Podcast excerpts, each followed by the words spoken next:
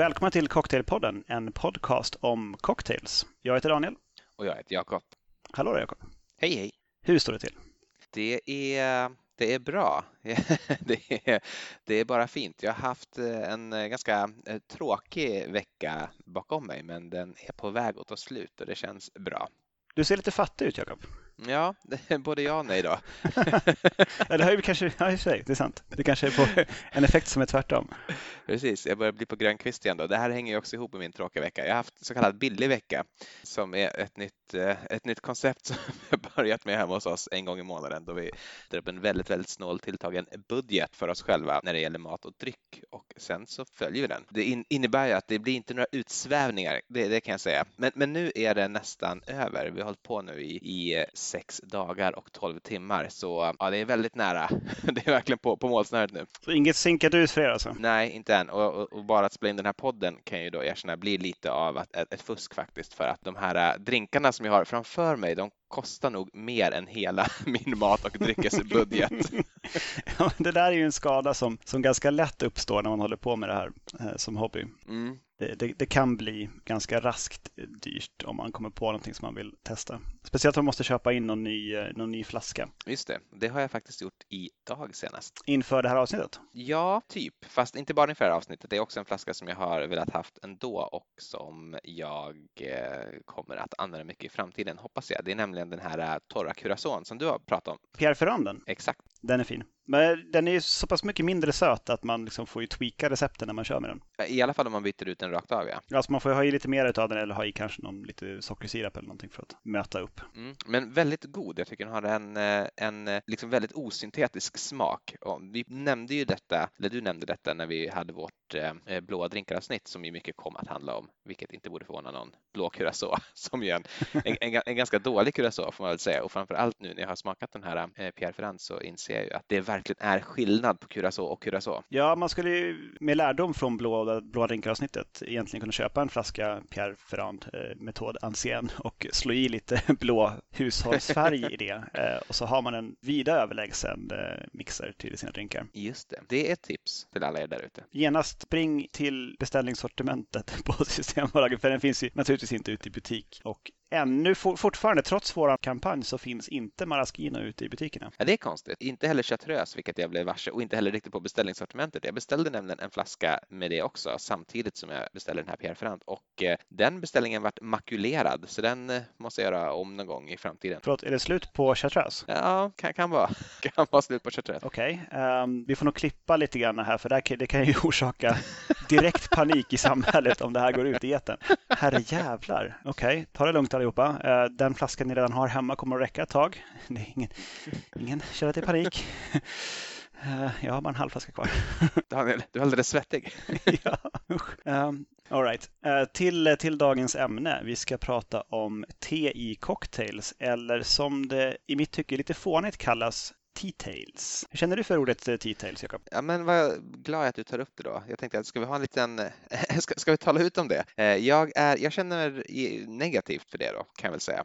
Jag är emot egentligen det här sättet det, det, känns som en väldigt amerikansk grej och, och, det har jag ingenting emot att det är en amerikansk grej. Men att man liksom gör om ord på ett sätt som makes no sense. Det är typ som economics blir freakonomics eller typ, inte vet jag, vad, säger, vad är det mera? Typ så här äh, relationshiponomics. Nej, det, det låter kantigt. Det måste vara bättre ord, men jag vet inte Jakob. Du får, du, får, du får segla solo på den där tror jag. Mm, eh, men, men, så är det också med det här eh, för mocktails. Det tycker jag är ganska bra ändå. För dels är det lite fyndigt, dels så är det ju liksom en, en falsk cocktail. Då. Men T-tails, nej, jag vet inte. Det är inte som att det är kock i cocktails. Så... Um, moving along swiftly. Um, du är väl lite utav Cocktailpoddens te-expert? Har du väl lanserat dig själv som? Jaså, har jag det? det... Vad vill du berätta om te för våra lyssnare? Ja, men ska jag berätta lite om te då? Eh, nej, jag är inte alls någon teexpert, varken Cocktailpoddens eller någon annans. Men, men jag, har, jag har tittat på Wikipedia inför det här avsnittet och, och kan därmed eh, säga att det finns huvudsakligen två sorters te. Då. Ska vi börja där? Eh, nämligen eh, det som kallas kinesiskt te och eh, det som kallas för assam-te. Och jag har inte riktigt lyckats lista ut ifall det är olika liksom, varianter av det här trädet. Det är ju inte en buske, man kallar det ofta för tebuske, men det är egentligen ett träd. Det blir 13-14 meter om det får växa fritt, om man liksom inte klipper till det. Eh, men i Indien och sådär och eh, Sri Lanka tror jag också, helt enkelt i låglänta platser så odlar man en variant som kallas för då assamensis eller något sånt på latin. Eh, det är det som kallas för assante på, på svenska som är lite större blad och oftare har en liksom robustigare, robustare och maltigare smak. Om du tänker typ English breakfast är väl ett ganska bra exempel på eh, hur de här, den här typen av te smakar. Men så här, kinesiska teet odlas i höglänta och torra platser. English breakfast brukar vara Ceylon-te och det är väl Sri Lanka som hette Ceylon va? Ja, det stämmer. Det är det. det, är det ju. Se där, se vad jag kan. Ja, inte dumt.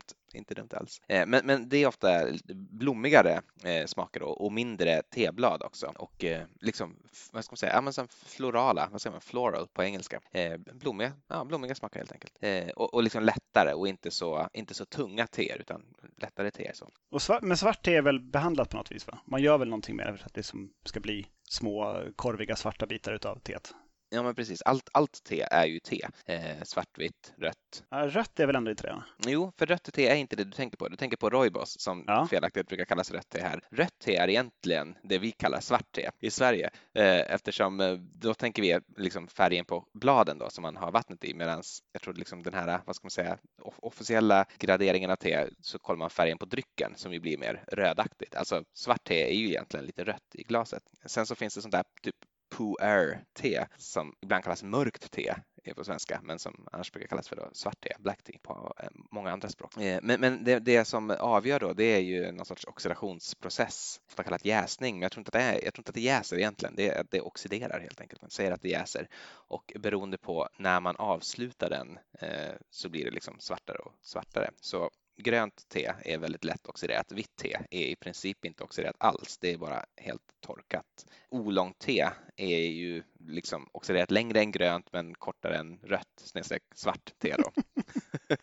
och det som kallas för mörkt te, det är först gjort som grönt te och sen så har man avbrutit där och sen så har man liksom låtit det oxidera igen senare efter att har torkat. Och vi behöver inte fördjupa oss i det här, men generellt så är det att liksom ju, ju längre det har fått rosta, desto liksom mindre gräsigt, desto mera eh, robust och eh, liksom maltigare och starkare och bittrare blir det.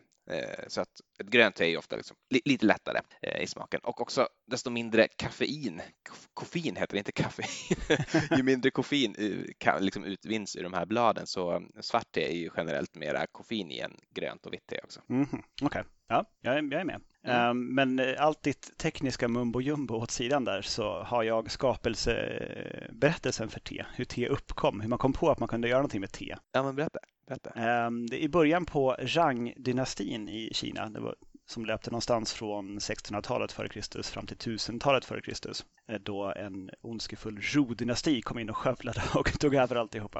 Men i alla fall i början där så fanns det en, en kejsare som satt och drack en kopp med hett vatten och njöt av det utomhus under ett träd. Och sen föll det ner några blad i, den heta, i det heta vattnet i koppen. Och istället för att i, liksom, som en normal människa slänga ut de här vidriga bladen i sitt vatten så lät de ligga kvar. Och eh, han drack det här och tyckte det var fantastiskt och blev också både friskare, vackrare och eh, säkerligen mer viril. Mm. Och då tyckte han att men te det är fantastiskt och så började han dricka te och då, det kejsaren gör gör alla andra så att eh, te. Te blev stort. Jag har faktiskt eh, läst och hört den där historien förut och eh, på en hemsida så stod det att ja, käll, eftersom det inte finns några källor så kan det eventuellt vara en urban myth. det är inte så jävla urban tror jag. Det är ganska... Rural myth. exakt. Eh, men jag, jag, jag, väljer att tro på den. Mm, ja, samma här. Det är en bra historia. Mm. Sen finns det lite andra teer också, är sånt som egentligen då eh, är någon form av eh, växtinfusioner bara, men inte egentligen kanske borde kallas för te, men kallas för te. Och det, det nämnde ju rooibos, som är väl en buske från Sydafrika. Eh, sen yerba mate är ju en, också någon form av buske slash träd som växer i Sydamerika, som man eh, gör ett koffeinhaltigt eh, te utav där då. Och eh, jag har faktiskt använt just detta yerba mate i vad jag vill eh, presentera som min första drink för ikväll. Okej, okay, kul. Ja, kör. Ska vi se. Jag kallar det för en eh, och det här är en sån sak, med te-cocktails har alltid, har jag upptäckt, lite putslustiga namn där man har fått in ordet te på engelska i namnet. ja. Ja, så det här är en tequila mate, stavat som tequila mate förstås. Eh, då har jag infuserat eh, reposado tequila med eh, ett sånt Järba mate te. Eh, och det här var eh, även smaksatt med eh, kvitten och typ fruktolja från mango och papaya. Så det är inte ett rent mate te. Det är lite kryddning och sånt i den och även lite blommor då från, framgår inte riktigt av förpackningen, men det skulle kunna vara från det här matebusken. Då. Så det har jag infuserat och det lät jag då de här tebladen eh, ligga i tequilan i eh, en och en halv, två timmar ungefär och sen silade jag bort det. Och eh, så har jag gjort en, eh, en margarita på det med eh, två ounce av den här infuserade tequilan, ett ounce limejuice, ett ounce Grand Marnier och en barsked med agavesirap skakat på is och silat i kokglas. Det är lite alltså medicinsk smak fast på ett bra sätt, ungefär som barnmedicin. Mm. Um, påminner om någonting sånt. Och um, det här järba-teet då, har, eller mate-teet, har gjort att tequilan blir lite sträv. Så man får Ah, en liten ja. sån strävhet som man får av, av teer då, Mm. eh, på tungan när man dricker den. Och, ja, fantastisk doft. Jag skulle säga klart värt besväret att, eh, att infusera sin tequila. Och infusionen kommer ju hålla hur länge som helst sen. Den, den blir inte dålig, liksom. den, den blir ju stabil även i rumstemperatur så länge man har den i sluten flaska. Eh, det är ju generellt li lite jobb med de här eh, drinkarna som har te i sig för att det krävs ju lite förberedelse. Men när den väl är gjord så är det ju inte svårare än någon annan cocktail. Kan jag haka på direkt där med en eh, tequila te-drink jag också? Den har dock inte något, något putslustigt namn. Den heter Breakfast at Julius. Eh, och gissar jag då serverad ursprungligen på något ställe som heter Julius, men jag, jag, kan, vet tyvärr inte historien bakom den här. Eh, men det här är en varm tedryck ehm, och eh, jag har tänkt lite grann så här, när man, om man ska smaksätta drinkar med te så finns det väl i huvudsak fyra sätt att göra det kanske. Eh, dels ha varmt te liksom i drinken, Eh, dels ha kallt te i drinken förstås. Eh, dels infusera själva spriten direkt med tebladen så att liksom, man får smaken direkt från tebladen. Eller dels använda någon annan ingrediens som har smaksatts med te, till exempel ett sockerlag eller en likör eller liknande. Eh, och jag har prov på alla de här teknikerna med mig idag, så jag tänkte börja med den här eftersom den är varm. Nu med bara ljummen tyvärr, men om du ser hur den ser ut. Mm. Ser ut som ett glas med te. Ja, det, det gör det verkligen. Och med en kanelstång i då. Och det här är då eh, i ett, i ett toddyglas. Och eh, till det här ska man brygga English breakfast te, ungefär en och en halv deciliter. Kan brygga det ganska starkt och eh, i det här, liksom, tillsammans med teet så ska man även ha en nypa eh, krossad eh, torkad ingefära och eh, en eh, nypa pulveriserad kardemumma. Så allt det här får dra tillsammans då. Eh, det här häller man upp i sitt toddyglas, häller i lite grann av agavesirap, eh, rör om, lägger i den här eh, kanelstången och slutligen också 4 centiliter med reposado eller i mitt fall añejo tequila. Och så får det stå i kanske två minuter för att den här kanelstången ska ge lite smak också. Och, så det här är en god toddy. Det, det är ett starkt, härligt, gott te. Jag jag eh, tycker att den kanske saknar lite sting, så kanske skulle varit lite citron att komplettera ingefäran med. Men liksom som en härlig, varm, god tedryck en kall vinter förmiddag, absolut. Det är Eh, ovant kan- också med varma tequiladrycker. Ja, det är det verkligen, men här, här funkar. Det är för att det inte är jättemycket tequila i antar jag. Eh, Det är bara 4 centiliter i hela det stora toddyglaset, så den blir liksom inte så het på det sättet. Eh, Nästan mera liksom eh, omf från ingefäran skulle jag nästan säga. Men eh, det står ju English breakfast då, ska det vara i det här, det vill säga ett sånt här eh, Assam-te. Jag har faktiskt inte använt English breakfast utan använt ett annat Assam-te som påminner mycket då om det här, men som jag tycker är godare. Det är inte riktigt lika bittert, det är, men det har liksom de här mustiga, maltiga smakerna, eh, nästan lite tobaks liksom doftande så, men är inte lika bittert som vanligt Eng- English breakfast och eh, ja, jag tycker det varit, eh, det varit bra. Det varit riktigt bra. Nice. Ska jag haka på med en till direkt eller? Har du någonting mer du vill köra? Nej, kör du. Vi, vi kan köra lite pingpong. Mm. Jag infuserade ljus agricol-rom med eh, ett eh, sånt grönt te som heter Formosa Tung Ting eller något sånt där. Sådana små, små liksom hoprullade gröna teblad Ja, ja. Mm. som du, och det är det jag baserar att du är teexpert på, du sa att man ska brygga flera gånger i samma vatten, eller i nya vatten och så blir det bättre och bättre. Det är därför det kommer. Ja, det är fy- fyra gånger är väl det, men det, det debatteras om gång två eller tre är bäst. Just det, men eh, jag menar det därav till expert Jakob. Jag förstår. Eh, I alla fall så har jag tagit den och så har jag gjort en, en tea punch på det och den heter då TT punch. Åh gud. Ja, du ser. Så att eh, ett och ett halvt ounce grönt te-infuserad agrikolrom och även där någonstans en och en halv upp till kanske två timmar och sen avbryta infuseringen då med att sila av. Eh, och sen så en knapp tesked eh, socker och några droppar limejuice och sen så eh, bara i ett glas utan is förstås och röra om. Allt socker kommer inte riktigt att lösa sig och det tycker jag inte är något bekymmer heller. Nej, det behöver det inte. Smakar rätt likt en vanlig tea punch faktiskt. Kanske skulle ha infuserat längre. Eh, jag var orolig för att det skulle bli bittert. Men på eftersmaken så kommer det faktiskt en del som är det här nästan råa gröna tedoften. Men det är ju ett ganska milt te. Eh, man kanske skulle haft någonting egentligen kraftigare, fast det är frågan om. Kanske om man infuserade tebladen efter den andra tebryggningen då när den ska vara som bäst. Man tar dem och vrider ur dem från vattnet och sen så slänger ner dem i spriten och ser vad som händer då. Eller så gör det liksom eh, fyra stycken sådana eh, agricol-batcher liksom efter varandra bara. Ja, nej, men det, ja, jag, jag är faktiskt eh, jag är positivt överraskad att man har sippat på den lite grann. Det, det där funkar.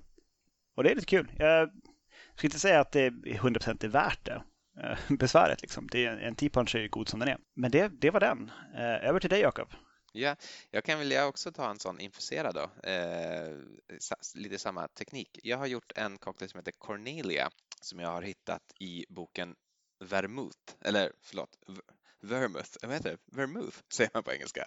Vermouth, The Revival of the Spirit That Created America's Cocktail Culture av eh, Adam Ford som jag har köpt och läst egentligen med tanke på ett kanske kommande avsnitt. Men i den här så finns det ganska mycket eh, recept på eh, tedrinkar och ett av dem har jag gjort då, som heter Cornelia.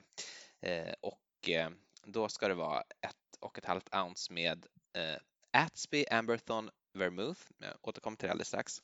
Eh, ett halvt ounce med eh, Lapsang-infuserad vodka. Och eh, Lapsang blir ju liksom inte bittert på samma sätt som många andra mörka teer. Ifall då någon inte känner till vad Lapsang är så är det det här rökiga teet. Om ni har druckit rökt te någon gång så är det nästan helt säkert Lapsang. Kommer från Fujian-provinsen i Kina ursprungligen. Någon sorts 1700-tals uppfinning för att liksom snabba på tetorkningsprocessen. Inte helt olikt faktiskt malt va? när man, när man liksom har rökig malt, att man torkar den och vill man torka te snabbt eh, då vart det också röksmaket. Men det, det är ju gott så det eh, spelar ingen roll. Så ett, ett halvt ounce av den då, eh, Lapsang infuserade vodkan. Eh, tre fjärdedels ounce med eh, ginger syrup, alltså ingefärs eh, sockerlag. Ett halvt ounce med citronjuice och sen en kanderad eh, ingefära på toppen. Och det står så här, three quarters of an ounce homemade ginger syrup. Men det finns inget recept på hur den här homemade ginger syrup ska göras. så jag har gått på Sasha Petrasks rekommendationer från boken Regarding Cocktails och han tycker jag då att man river ingefära, pressar ut så mycket saft man kan ur det. Sen så adderar man lika stor volym med florsocker och liksom rör om eller skakar tills det är helt upplöst. Så det, det har varit mitt recept på en ginger syrup. Eh, och jag har faktiskt tjuvsmakat på den här redan så att jag vet att eh, den här var jätte, jättegod. Den har sjunkit ihop lite grann då i glaset just av den anledning. Men så du ser inte hur fin den var från början. Men ja, den är inte så stark på alkohol.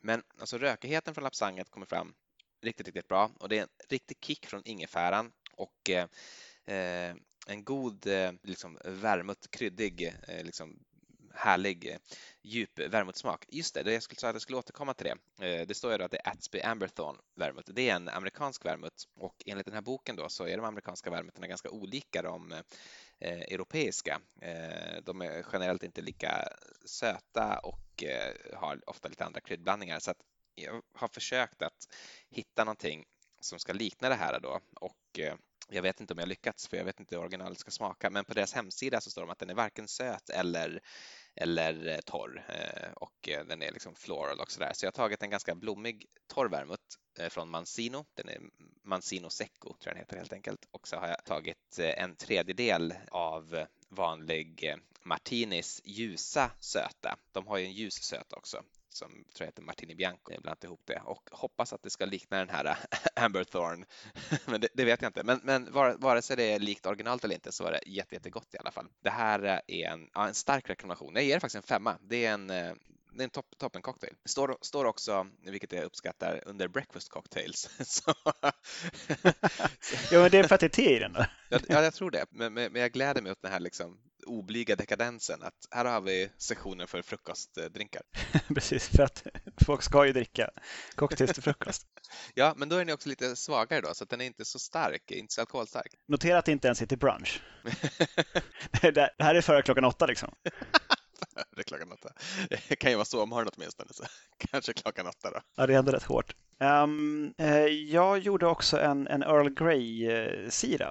Mm. Eh, 2 till 1 sockersirap där jag gjorde den alltså bara på eh, väldigt starkt bryggt Earl Grey-te och sen dubbla mängden socker på det. Eh, viktmängden då alltså. Just det. Och sen infuserade jag också gin med samma Earl Grey-te och eh, har gjort en, en Old Fashion på det som jag kallar för Old Grey Earl förstås för putslustiga namn. Så att, eh, det här var nog det sista putslustiga namnet jag har för idag faktiskt. Men då är det två ounce eh, Earl Grey infuserad gin. Eh, även där någonstans en och en halv timme. Hade nog kunnat kört det lite, lite längre kanske på på just den. Ett fjärdedels ounce Earl Grey sockersirap och då är det 2 till 1 förhållande. Sen hoppade jag bitters i och med att tesirapen blir lite bitter i sig självt. Så Mm. den är sin egna bitters. Och det här är då rört med is och silat till ett isfyllt rocksglas garnerat med en citronzest som man twistar över. Och det här är riktigt, riktigt bra. Den här tror jag verkligen att du skulle gilla. Det kan jag tänka mig. Förvånansvärt likt ett, ett iste. eh, Fast det, liksom, det, är ju, det är nästan bara sprit. Mm. Ja, det är ri- riktigt, riktigt höjdare. Doftar fantastiskt också. En vinnare, fem av fem. Gör, gör Old Grey Earl så fort ni bara kan, gott folk. Det är klart värt besväret att göra eh, Earl Grey sockersirap och infusera lite gin. Eh, jag har en, en väldigt liknande drink här också, fast inte med Earl Grey då, så att det, var ju, det var ju tur. Det kommer jag att komma till senare, för jag har en Earl Grey drink också som jag vill prata om, men eh, som jag inte har framför mig just nu. Men, men när jag pratar om nu, det är också en Old Fashioned, också på teinfuserad sockerlag, men också på lapsang då. Så det här jag förstås gjort en Old Fashioned på eh, Scotch, alltså skotsk whisky och har en liten float av Isla whisky uppe på.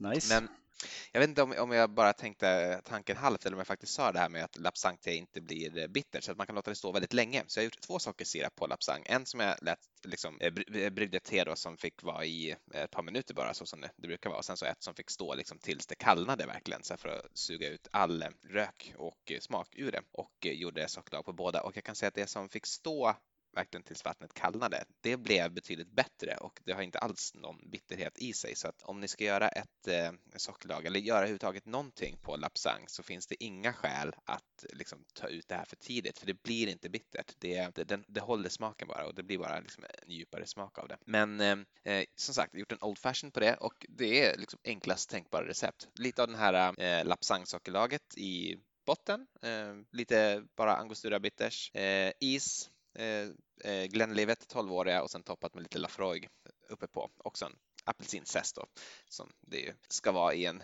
whiskybaserad eh, Old Fashion enligt mig. Det låter ju riktigt, riktigt gott. Och det är riktigt gott. Det är ju liksom, det är en Old Fashion. är med, med, en härlig, ganska djup rökighet. Så det kommer ju rök från två håll också. Det är både, eh, både Lafroigen och eh, Lapsangen som är lite liknande. Jag vet inte hur det kommer sig att det blir sån eh, liksom käraktig smak. Jag skulle tro att det har att göra med träslaget. Eh, Lapsang är ett tallved som man, som man eh, eldar och röker med och tall är väl det man utvinner tjära ur också, så det kanske inte är så märkligt när jag tänker efter. Nej, det låter ju ganska rimligt. Men den här drinken är ganska lik eh, Tattletale som jag gjorde i Sasha Petraskas också. Där var det ju sötningen från, eh, från honung istället för Just den här lapsang-sirapen. Men allt annat är ganska lika. Jag tror att man faktiskt skulle kunna, man skulle kunna få ytterligare lite djup i den här om man hade liksom ett, ett honungsvatten som man infuserade med lapsang. Här är utvecklingsmöjligheter alltså. Det blir väldigt mm, liksom, mycket, men man känner att det finns, jag ska säga det här är, det här är en fyra av fem, det, det finns en lucka någonstans och jag tror att den luckan skulle kunna fyllas med honung. Eh, det är något ändå med det här bara vanliga, liksom enkla eh, vita sockret som inte riktigt fyller upp hela munnen tycker jag i den här. Men alltså jätte, jättegott. Ja, det kanske jag ska säga också att det, det, är, det är råsocker jag använt i sockersirapen jag gjorde på Earl Grey-teet. Det är en viktig distinktion. Det blir inte riktigt samma resultat annars tror jag. Nej, det tror inte jag. Jag har använt vitt socker då i alla mina eh, den här gången. Mm. Det kan, kanske överilat. Sen provade jag att göra en, eh, en, en sour också eh, på gin och den här Earl Grey-sirapen då, men inte infuserad gin den här gången utan bara vanlig gin. Och sen, eh, så två ounce gin, ett, ett ounce citronjuice, tre fjärdedels ounce Earl Grey sockersirap och en äggvita skakat med is och silat till en isfylld tekopp. Ja, just det. En tjusig liten rackare med ananaser på sidan. Ja, jättegulligt. Mm. Känns väldigt engelsk. Och det här, det här är vansinnigt gott. Eh, inte så jättetydlig eh, tesmak, men man får också lite av den här testrävheten som jag, som jag uppskattar. Och den, den doftar ju eh, bergamott från Earl Grey. Så det, ja, det är en vinnare. Har man ändå gjort Earl Grey sockersirap, vilket jag föreslår att alla liksom stoppar alltså uppspelningen nu och springer iväg och gör, då kan man göra det här också. Bra, bra cocktails. Jag har inte haft några riktigt, eh, några missar i det här upplaget faktiskt. Inte jag heller. ingen som jag är missnöjd med alls. Jag tycker alla har varit liksom från bra till utmärkta. Jag har dock eh, jag skulle inte säga miss kanske, men jag säger det ändå. med, jag har försökt göra en likör. Eh, när jag höll på att sitta bara och liksom surfa runt på Different Guide så, så hittade jag att det finns någon sorts telikör, en japansk telikör som heter Zen någonting en grön liksom, flaska, eh, lite likt de här kartronflaskorna i formen men inte genomskinlig utan liksom, ogenomskinligt grön. Eh, sökte förstås för att se om det finns att få tag på i Sverige, men det gör den inte. Men tänkte att det kanske man kan, det kanske man kan göra själv då. Eh. ja, precis. Ta något, eh, några, några århundraden gammalt hantverk och bara yxa ihop det. Mm, eh, så det försökte jag då. Så jag har en vodkabaserad likör som är oolong-te som ju inte är grönt då och heller inte svart utan ligger liksom lite mellan grönt och svart.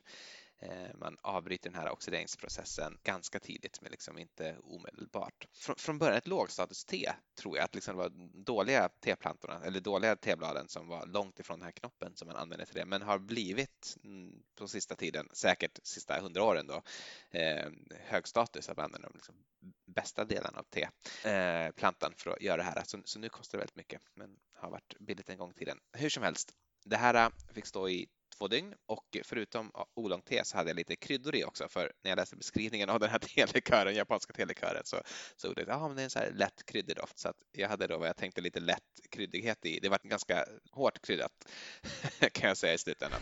Och, eh, det, var, men det var lite roliga kryddor dock, eh, tycker jag själv. Det var då stjärnanis och kanel. Det är väl egentligen inget speciellt. En hel kanelstång och en hel eh, stjärnanis. Men därtill också lite krossad ingefära och långpeppar. Förlåt? Som jag...